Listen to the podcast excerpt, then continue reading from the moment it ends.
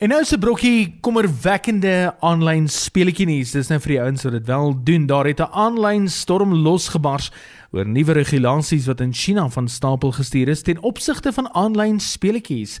Die land se regering het amptelike wetgewing in plek gestel wat kinders onder die ouderdom van 18 nou beperk tot slegs 3 ure se slimfoontyd per week. En dit word beskikbaar gestel tussen 8uur en 9uur saans en wel net op 'n Vrydag, Saterdag en 'n Sondag. Sien daar, daar het jy jou 3 ure. Die tydstuur vir die deelname aan aanlyn speletjies sal met skoolvakansies eers verleng word na 3 ure per dag, so met ander woorde 9 ure per week. En mense wat beoog om die stelsel te probeer omseil, sal ook nou vasgevat word. Die kinders of persoon wat die aanlyn speletjie wil speel, moet sy identiteitskaart kan wys om vrygestel te word van uh, die afsnytye.